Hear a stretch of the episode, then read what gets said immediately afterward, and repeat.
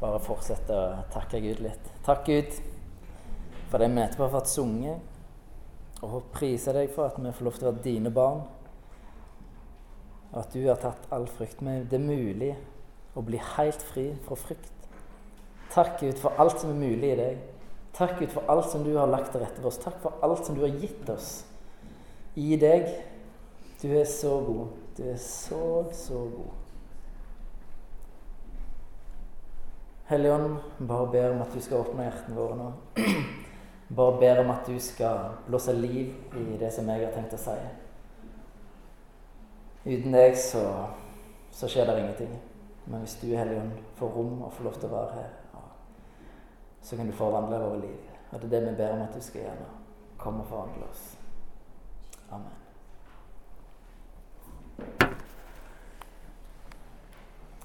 Fram til sommeren så skal vi snakke om visjonen som vi har. Vi har fått oss en visjon.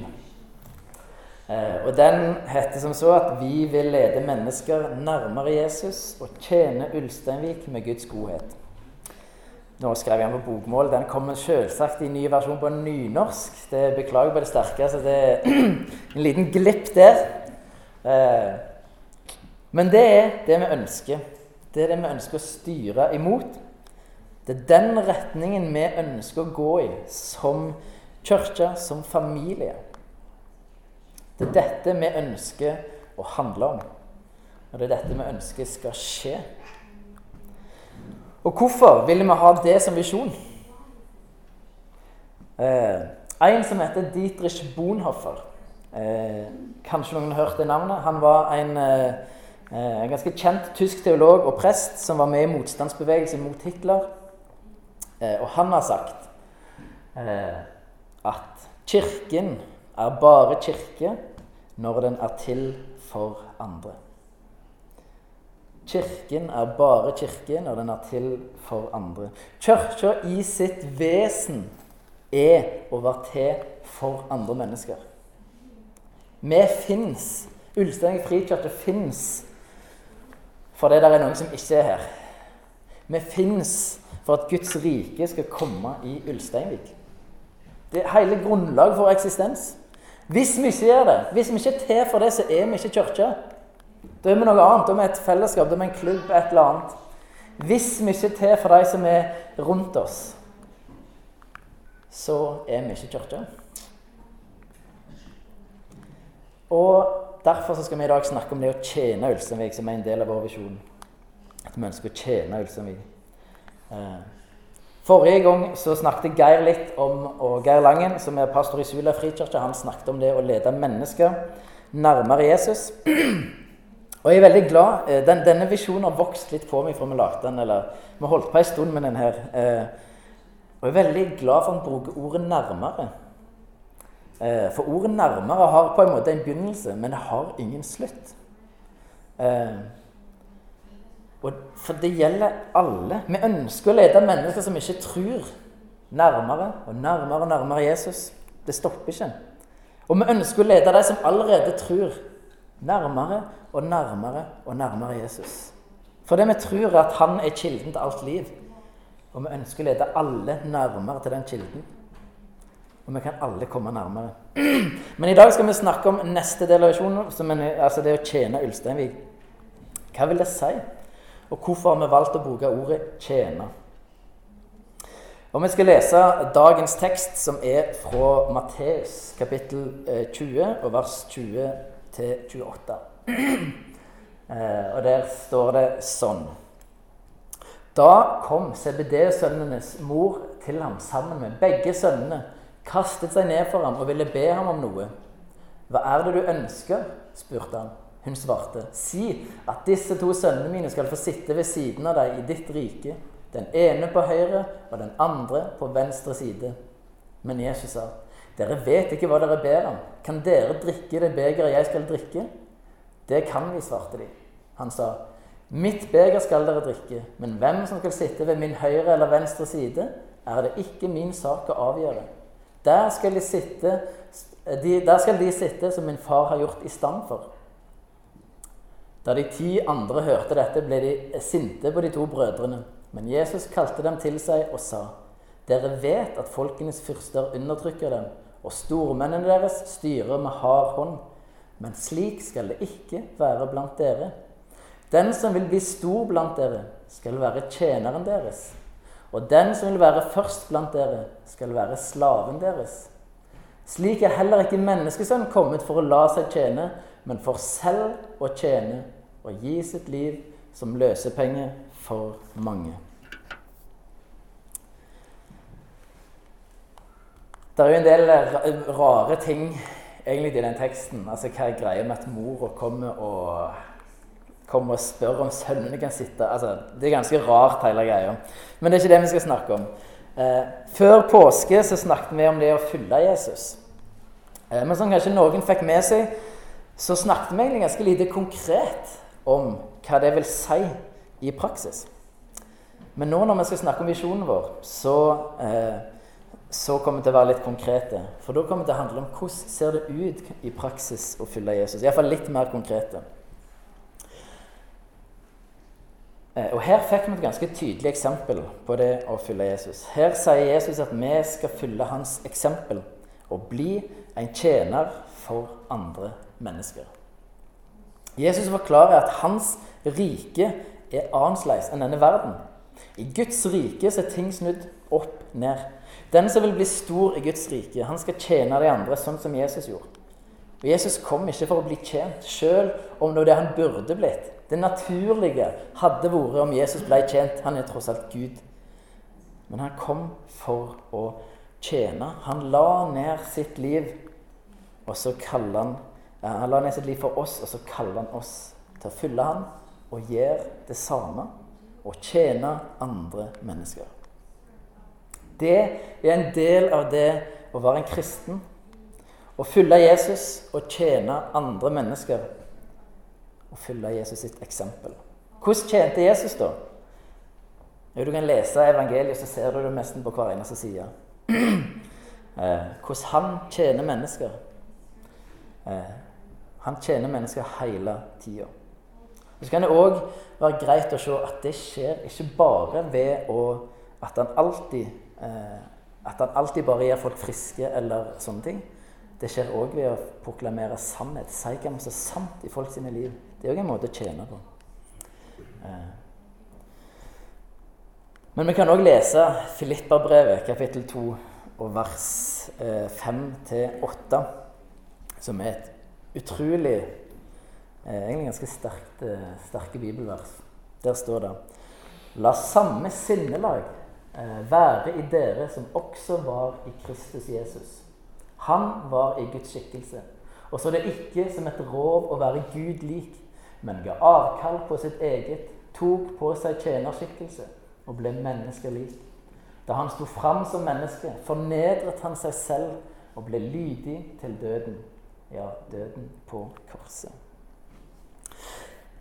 Paulus sier 'ha dette sinnelaget'. Et sinnelag der du gir avkall på ditt eget og tar på deg en tjeners skikkelse.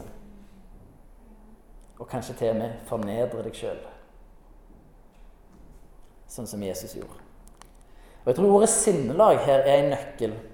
For dette ligger ikke naturlig for oss, tror jeg. Det gjør det iallfall ikke for min del. Det, jeg, det, skal jeg lett innrømme. Men for at meg og deg skal tjene Ulsteinvik, så må vi ha et sinnelag som tjener. Det begynner veldig mye begynner oppe i toppen. Eh, en mentalitet, et sinnelag. Vi trenger å endre på hvordan vi tenker om oss sjøl, og hvordan vi ser på andre. For jeg tipper at når du at tenker på deg sjøl, så tenker du ikke at du er en tjener. Og du tenker ikke at de menneskene du møter, tenker ja, her er en person som jeg skal tjene. Hvordan kan jeg tjene denne personen? Jeg tror ikke vi tenker sånn. Hvis du gjør det, fantastisk. Lær oss andre det. Eh, la oss eh, lære oss hvordan vi kan gjøre det. Eh, jeg tenker ikke sånn, dessverre. Men jeg ønsker å gjøre det. Eh, men det er dette Jesus ber oss om. Se på deg sjøl som en tjener. Se på deg sjøl som en tjener. Og se på andre mennesker som noen som du skal tjene. For det var det Jesus gjorde. Han gikk ikke rundt og tenkte ja, men jeg er Gud, så jeg forventer at dere, dere alle faller ned. Nei, jeg kom faktisk for å tjene dere. For å legge ned mitt eget liv for dere. Jeg sier, vi skal gjøre det samme. Tjen andre mennesker. Legg ned ditt liv for andre mennesker. Og det strider med alt i oss, egentlig. Dette er ikke naturlig. Dette er ikke naturlig. Eh, men det er likevel det Jesus ber oss om. Tjen og velsign andre mennesker. Og da trenger vi å se på oss sjøl som tjenere. Vi trenger det sinnelaget. Og jeg tror ikke det kommer over natta. Eh, jeg leste en bok en gang eh, der forfatteren fortalte litt om svigerfaren sin. For denne svigerfaren gjorde noe litt spesielt når han var på offentlige toalett. Og nå vet jo ikke jeg hvordan de offentlige dametoalettene er. Men jeg har vært på en del offentlige mannetoalett. Og det er ikke bare Det er ikke det du gleder deg til alltid, å gå på et offentlig mannetoalett. Eh, for det ser ikke alltid så veldig bra ut, rett og slett. Det, der ligger det ofte masse papir rundt, og det ligger ofte vått på gulvet, og du lurer på hva er det våte Er det vann, eller er det noe helt annet? Eh, og du mistenker på lukta at det er det andre. Eh, og det ser, det, det ser, ikke fint ut. Det ser ikke Det er sjelden det innbydende eh, å gå på de, de doene. Det, det, er, mi, det er min, min erfaring, iallfall. Eh, men det som denne eh, han har svigerfaren til han som skrev boka, gjorde, da han hadde greie med at hver gang han var på et offentlig toalett, så tørka han opp, så plukket han opp papir. Så, så vasket han av doskåla, og så gjorde han det reint. Og så spør han der eh, han som svigersønnen hvorfor, gjør du dette? Jeg, jeg, er jo en tjener. Det er jo den mest opplagte oppgave for en tjener, er å gjøre akkurat dette. Det er jo som skapt for meg. Eh, hvis, hvis, ikke dette er oppgave for en tjener, hva er, hva er da en oppgave for en tjener? Og han har da en mentalitet som en tjener som gjør at han ser når han kommer deretter Dette er en jobb for meg, for jeg er en tjener. Jeg er en tjener. Dette, dette er min jobb. Og det er ingen som takker han. Det er ikke sikkert det var så mange som så det. Men det var heller ikke poenget. Og kanskje det er det som gjør det litt vanskelig for oss eh, å ha et sinnelag som tjener, for det gir ingen anerkjennelse. Det er ikke så mange som ser det. Det er ingen som skriver i aviser om det sannsynligvis. Hvis du gjør disse små tinga. Det er ingen som hyller deg, priser deg for de små tinga. Og så var det heller ikke så mange som hylla Jesus og prisa han for de små tingene. Han fikk ganske hard medfart, og til slutt måtte han dø for det. Eh, men kanskje det som hindrer oss litt. For vi har lyst til å få litt ære, litt sånn kred for det vi gjør. ikke sant? Og så sier Jesus nei, eh, du skal være en tjener. Tjene i det skjulte. Eh, og det å være en tjener, det handler ikke om resultat. Men det handler om en holdning. Hvordan du ser på deg sjøl, hvordan du ser på andre mennesker. Det er å ikke sette seg sjøl i sentrum av tilværelsen, men å sette noen andre der. Eh, dette, og kanskje er dette fjernt for oss. Eh, for er det kanskje ikke dette vi har opplært til, at det er å være en kristen? Er ikke kristen bare å tro på Jesus og komme til himmelen? Er ikke det å være en kristen? Eh, men det er dette som vi har snakket om litt tidligere, dette paradigmeskiftet som vi har vært litt inne på tidligere, at når vi kommer til tro, så blir vi en del av Guds folk, en del av Guds rike, og som er med på Guds plan og Guds hensikt. Vi har egentlig sagt ja til at vi gir opp vårt eget liv og sier ja til deg, Jesus. Du er Herre. Vi er tjenere. Du er Herren. Det er egentlig det vi har sagt ja til når du sier ja til Jesus.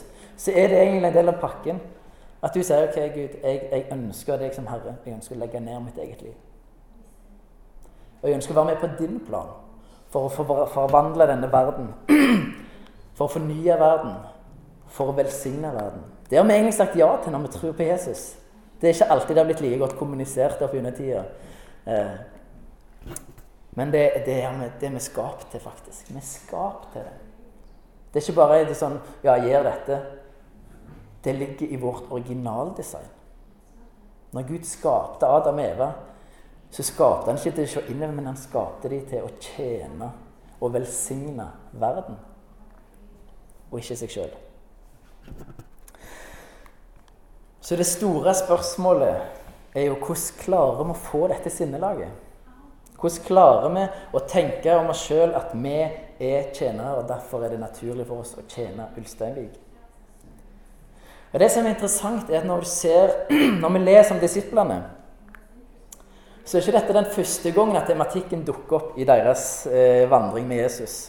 Det skjer flere ganger at dette med hvem er størst og hvem er minst, det dukker opp flere ganger.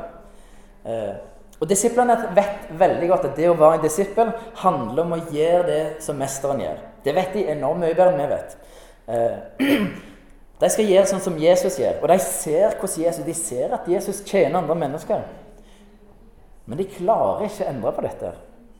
Disiplene følger Jesus i tre år. Men når det kommer til slutten, det siste måltidet Jesus har med dem, så klarer de jammen meg å benytte anledningen der òg til å krangle om hvem er den største av oss tolv. Hvem er størst? Og du begynner å lure på hva, hva er greia her. Og Når skjer endringen? da? For der skjer en endring. Når skjer endringen? Jo, endringen skjer når det blir fulgt av Den hellige ånd. Det er da endringen skjer. Når de blir fulgt av Den hellige ånd, så skjer, endrer alt seg. Absolutt alt endrer seg da. Og de har vært et kaos fram til det punktet. Jesus, De har blitt lært, opplært av Guds sønn. Den beste læremesteren, den største pedagogen, den, den beste eksempelet i verden har de fulgt. Og omtrent ingenting endrer seg. Men når de blir fulgt av Den hellige ånd, så endrer alt seg. Det betyr ikke at de aldri feiler i det å ha tjener sin. Det gjør de. De feiler, de er ikke perfekte. Men det betyr at Den hellige ånd er den store forskjellen. Det er, den, det er han som endrer alt. Og Nå er ikke tematikken vår Den hellige ånd. Det hadde vi forrige halvår. Men poenget er at vi kommer aldri videre uten Den hellige ånd. Eh, han er svaret på de fleste problemer som vi kjemper med i livet.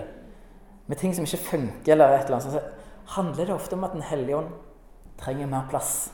Han må få slippe til. Eh, I Kolosserbrevet, kapittel 1 og vers 27, så står det For dem ville Gud kunngjøre hvor rik på herlighet denne hemmeligheten er blant hedningfolkene. Det er Kristus i dere, håpet om herlighet.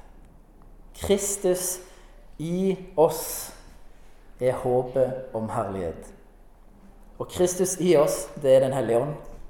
Det er håpet om herlighet for Ulsteinvik. Det er ikke meg, det er ikke Eivind, og det er ikke Eivind og Den hellige ånd. Det er ikke Eivind og Kristus, det er Kristus i meg, Kristus i deg, som er håpet om herlighet for Ulsteinvik.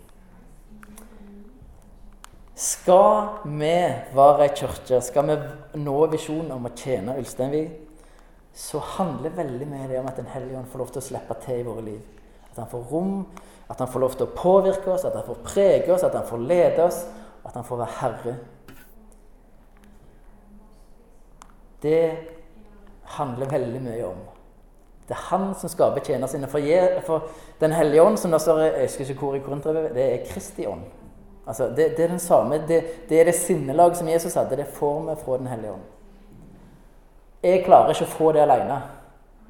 Jeg får det når Den hellige ånd fyller meg. Da kan jeg få det tjenersinnet. Så vi trenger det er en del av det. Vi kommer ikke videre uten Den hellige ånd. Må, han må få rom. Han må få plass. Eh. Og så handler ikke det om å tjene. som sagt, Det handler ikke bare om Når jeg, når jeg hører ordet 'tjene', så tenker jeg litt sånn som dulle med folk. Eller sy puder under arm. Et eller annet sånt. Det der er noe som klinger litt dårlig. Og det, å tjene handler ikke bare om å være god mot mennesker, selv om det skal vi snakke om. Det kan være godhet. Det skal vi snakke om neste gudstjeneste. Eh, men det kan òg være å kjempe for sannheten. Det kan òg være å rettlede folk. At du tjener dem ved å rettlede. Av og til så tjener du Jeg tjener ungene mine med å være streng av og til. De vet ikke om det. Jeg vet om det. Jeg tjener dem ved å sette grenser av og til. Så tjener jeg ungene mine. Så tjene er ikke, ikke, ikke tenk at det alltid kun handler om å, eh, å, å bare eh, please folk eller være god mot folk. Alltid på, på den måten med at vi, vi, gir dem ting eller gir tjenester eller sånne ting. Selv om det absolutt er en del av det. Poenget mitt er bare å nyansere det litt. Eh. Poenget er at det er Herren som bestemmer hva tjeneren skal gjøre. Det er Herren som, som, gir signaler. Det er Han som forteller hvor det skal tjenes, og på hvilken måte det skal tjenes. Så hvordan kan vi tjene Ulsteinvik, da? Jeg eh, kommer sikkert til å snakke mer konkret om det på neste gudstjeneste når vi skal snakke om godhet. Men for å tjene Ulsteinvik så er kanskje en idé å vite hva behovet er der. Eh, hva er det som trengs? Hva er det som ikke funker i Ulsteinvik? Hva nød er der? Hva er urettferdighet finnes? Hvem trenger mest å bli tjent? Det er et spørsmål som vi kan gjøre lurt i å stille oss. Eh, og så kan jeg jo bare gi noen eksempler at eh, det å være med i politikken, det å tjene Ulsteinvik eh, Det å være med i frivillighet, det å tjene Ulsteinvik. Om det er gjennom dugnad, ved å skape et godt miljø for barn og unge Det er mange, mange måter å tjene Ulsteinvik på. Hvis det er å ta seg av innvandrere, om det er å ta seg av ensomme eller de gamle, eller gå på besøk You name it. Det er mange, mange måter å tjene på. Eh, her er det i grunnen sånn at fantasien setter begrensningen, tror jeg. Eh, så kanskje et triks er å spørre Herren, da. Hva er det som, Hvor trengs det at vi tjener henne? Hva sier du? Hvor, hvor, hvor er det du vil vi skal tjene henne? Og det kan være både som individuelt, at en spør om det, og kanskje også som menighet. At vi som et kollektiv, som en familie Kanskje det er et spesielt område vi skal tjene inn i. Kanskje. Jeg vet ikke. Men kanskje i dag så er det litt sånn Kanskje skal vi rette fokus på, på, det at vi skal tjene der som du bruker mesteparten av tida di. Og det er på jobb, og det er hjemme. Det er der du bruker mesteparten av din tid. Så det blir dagens eh, refleksjonsspørsmål. blir det. Første spørsmål blir hvordan kan du tjene deg på jobben, enten det er kollegaer eller det er kunder. Og nå vet jeg det er ikke alle som jobber, eh, eh, og det er helt greit. Da kan du ha mer fokus på det du gjør hjemme, f.eks., hvis det er der, eller et eller annet sånt. Men hvordan kan du tjene de som er på jobben din? Enten det er kollegaer eller kunder. Hvordan kan det se ut i praksis? Tenk kreativt. jeg vil du skal tenke for deg sjøl nå. Hvordan kan det se ut? Hva konkrete ting kan du gjøre? Hva tror du Den hellige ånd ønsker skal skje på din arbeidsplass? Hvordan tror du han ønsker at du skal tjene på din arbeidsplass? Spør han. Spør han. Jeg tror han vil svare deg. Spør Den hellige ånd. Hvordan vil du at jeg skal tjene i dag på min arbeidsplass? Er det noen spesielle folk jeg skal tjene i dag? Noen jeg skal møte? Er det å oppmuntre noen med å si et godt ord? Er, er det å vise vennlighet? Er det å spørre hvordan det går? Hvordan? Hvordan? Spør Gud, spør Den hellige ånd, hvordan du kan tjene. Og så Den andre plassen der vi bruker mesteparten av vår tid, er i heimen. Og da er spørsmålet hvordan kan du tjene ektefellen din, eller hvis du ikke har en ektefelle, de som er dine nærmeste? Hvordan kan du tjene dem? Hvordan kan det se ut i praksis? Og Jeg velger å fokusere på ektefelle, for det er innvirkning for ungene òg ganske stor innvirkning. Hvis en har et godt ekteskap eh, jeg, jeg, tror det er noe av det beste en kan gjøre for ungene sine, er å ha et godt ekteskap. Eh, og vise tydelig hvordan, et, et, godt ekteskap kan se ut. Jeg tror noe av det lureste og beste vi kan gjøre for ungene våre, er at de kan få se det. Eh, så er det mange andre ting. Men hvordan kan du tjene din ektefelle eller de som, den som er nærmest deg? Hvordan kan du tjene dem? Hvordan kan det se ut i praksis? Det er et viktig spørsmål, for vi skal tjene der òg. Og det er et utfordrende spørsmål. For her, her, kan vi lett se Ja, det er ganske mange områder jeg kan tjene på, ser jeg. Eh, det, handler om, det, handler ikke om, at det ikke er noe å tjene på, det handler om viljen. Det handler om tjenersinnet. Eh, og det er da det siste spørsmålet. Hva er det neste steget som du trenger å ta for å få det sinnelaget som Jesus hadde, sånn at du kan være med å tjene Ulsteinvik? Både på jobb, i heimen din, i fritida di. Hva er det neste steget? Da tenker jeg det, det første steget du trenger å ta for å få eh, mer et, eh, et sted sinnelaget, få det mer det tjenersinnet. Spør Den hellige ånd om det, og hva er det neste steget? Eh, kanskje er det at du begynner morgenen med å fokusere på at du er en tjener. Eh, bruke litt tid, finne noen bibelvers som snakker om dette, og bruke litt tid og reflektere og meditere over de bibelversene om det å være en tjener, hvordan det kan se ut. Kanskje, kanskje det er det som er tingen, å begynne der. Ta fem minutter, om det er i bilen eller om det er ja, med frokostbordet bare. Hvordan ser det ut å være en tjener i dag? Dette er oppgaven som ligger framfor meg. Sånn ser cirka dagen ut. Hvordan ser det ut å tjene i dag? Kanskje det er det. Det er et forslag. Eh, kanskje er neste steg noe helt annet for deg. Men, men hva er det neste steget? Eh, hva er det neste steget? Og som sagt, Gud møter oss der som vi er. Så ikke tenk at ja, å nei, jeg må, ha, eh, neste, jeg må ta noen kjempestort steg. sånn at jeg, altså, Nei, Gud møter oss der vi er. Han vil hjelpe oss fra der vi er. Eh, han vil at vi skal tjene, så han vil hjelpe oss. Vi må begynne der vi er i dag, og ta det første steget. Eh, sånn som det ser ut. Og jeg tror at det er enormt viktig å begynne med, med dette sinnelaget. Å begynne med mentaliteten, mindsettet vårt. Hvordan tenker jeg om meg sjøl? Hva tenker jeg at jeg er for noe? Hva, hva, hva, hva tenker jeg rundt de tingene der? Og begynne å pense inn på at jeg er tjener, og i dag skal jeg tjene andre mennesker. Og når jeg tjener andre mennesker, så tjener jeg Gud. Eh, å ha det mindsettet. Og så er det en annen ting som også er viktig. Nemlig at hvis vi skal vente på at vi har det mindsettet 100% på plass, så kommer det, det kommer til å gå ganske lang tid da, før vi gjør noe i det hele tatt. Så det å begynne med noen praksiser samtidig som du øver deg på mindsettet For de to vil hjelpe hverandre til at ting kommer på plass. Det å både øve seg på å tenke rett og øve seg på å gjøre de tingene, vil hjelpe oss å få på plass dette tjenersinnet, det sinnelaget som Jesus hadde. Og så selvsagt så kommer vi ikke unna det med å gi Den hellige ånd rom og gi ham plass i livet vårt. Hvordan enn det ser ut i mitt liv, og hvordan det ser ut i ditt liv. Men vi kommer ikke vekk ifra det. Han må få plass, for det er han som har tjenersinnet. Det er han som har det. Det er han som kan skape det. Eh, det er han som kan gjøre meg til en tjener. Jeg tror ikke jeg har det i meg sjøl.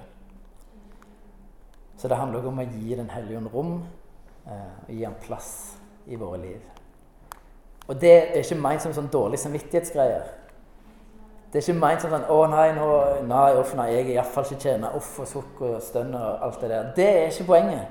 Og det har aldri vært poenget til, til Jesus at vi skal gå rundt og tenke 'Nei, nei, men jeg får det jo ikke til.' Eller jeg, det er ikke poenget. Han ønsker å velsigne oss med disse tingene. Han ønsker å skape det i oss. Det handler ikke om å ofre, det handler om å bare Her er jeg. Her er mitt liv. Sånn ser det ut. Og Gud sier, 'Konge, det er en god plass å begynne'. Dette er en bra plass å begynne. Det handler om bare å gi plass, gi rom. Og det er ikke for å gi dårlig samvittighet, men det er for å velsigne ditt liv. Hvis vi er skapt for å tjene som utgangspunkt, så vil det bety at vi vil oppleve en glede ved å gjøre det. Det vil bety at vi opplever at det er dette vi er skapt å gjøre. Hvis det, hvis det, er sant at vi er skapt å tjene, og jeg tror vi er skapt til det Det betyr ikke at det alltid er lett. Ikke misforstå. Glede og at ting er lett, er ikke alltid det samme. Eh, ofte kan det være vanskelig. Men vi, vi er skapt for det. Det er originaldesignet vårt å tjene andre mennesker. Og Den hellige ånd lengter til å få lov til å virke i oss og gjør det i oss. Så vi trenger å jobbe med det mindsettet, og vi trenger å begynne å praktisere. Eh, og vi trenger å gi rom for Den hellige ånd. Og Gud ønsker mye mer enn oss å skape dette i oss. Og han er en god Gud som ønsker å velsigne våre liv. La oss bare be til slutt. Jesus eh,